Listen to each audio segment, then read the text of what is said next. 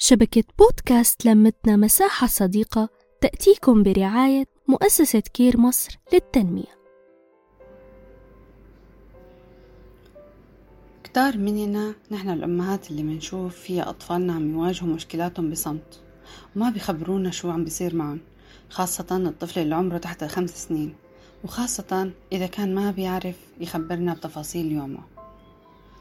اليوم ببودكاست همسات رح أعلمكم طريقة تسحبوا فيها الكلام من أطفالكم بأسلوب ما يبين إنه استجواب وبنفس الوقت تتعرفوا على مخاوفهم اللي ما بيحكوا عنها.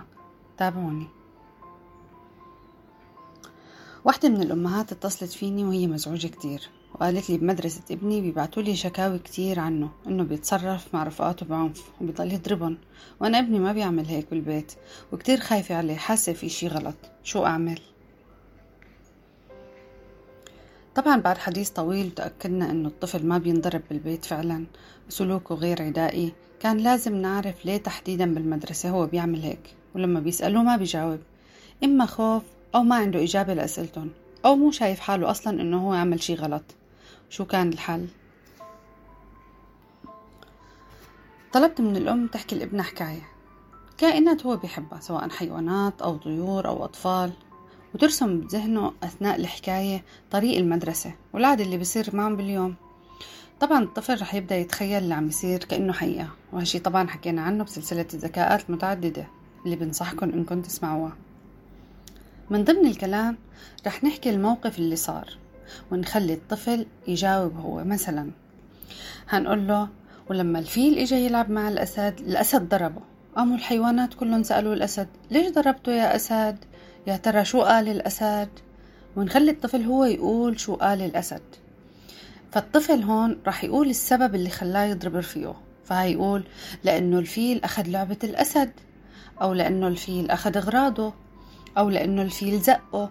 يعني أي كلمة يعني أو أي موقف حصل مع الطفل هينقال بشكل غير مقصود. هون نحن عرفنا السبب. فبنبدأ منطالع من الطفل حلول بديلة عن الضرب. وبنكمل معه. بنقول له طب الحيوانات هون قالوا له الأسد ما بيصير تضربه. يا ترى شو كان لازم يعمل الأسد قبل ما يضرب؟ فنلاقي الطفل قاعد يقول مثلا يقول للمس أو مثلا يقول لماما أو مثلا هو بقى يبدأ يحط حلول لنفسه. نحن بهالطريقة بنكون شل شلنا فكرة الضرب من راسه. طبعا مو بيوم وليلة بتنشال هي بدها عدة مراحل بس هي البداية. وبنقدر نكون عرفنا ابننا شو عم يعمل وشو عم بيصير معه. ولنعرف هو من شو بيخاف بنحكي له مثلا عن عصفور قاعد زعلان وخايف وبنسأله يا ترى هالعصفور من شو كان خايف؟ هو هيجاوبنا إذا كان خايف من شي. فهيقول مثلا هو خايف لأنه في فلان ضربه أو لأنه ما اشترى آه، شي هو بحبه أو أي شي تاني هو مزعله. تمام؟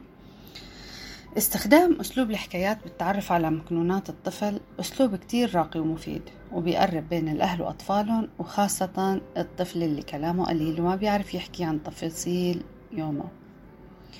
كانت معكم رندا أسعد من بودكاست همسات وشبكة لمتنا مساحة صديقة. تحياتي. نحكي نتشارك نتواصل.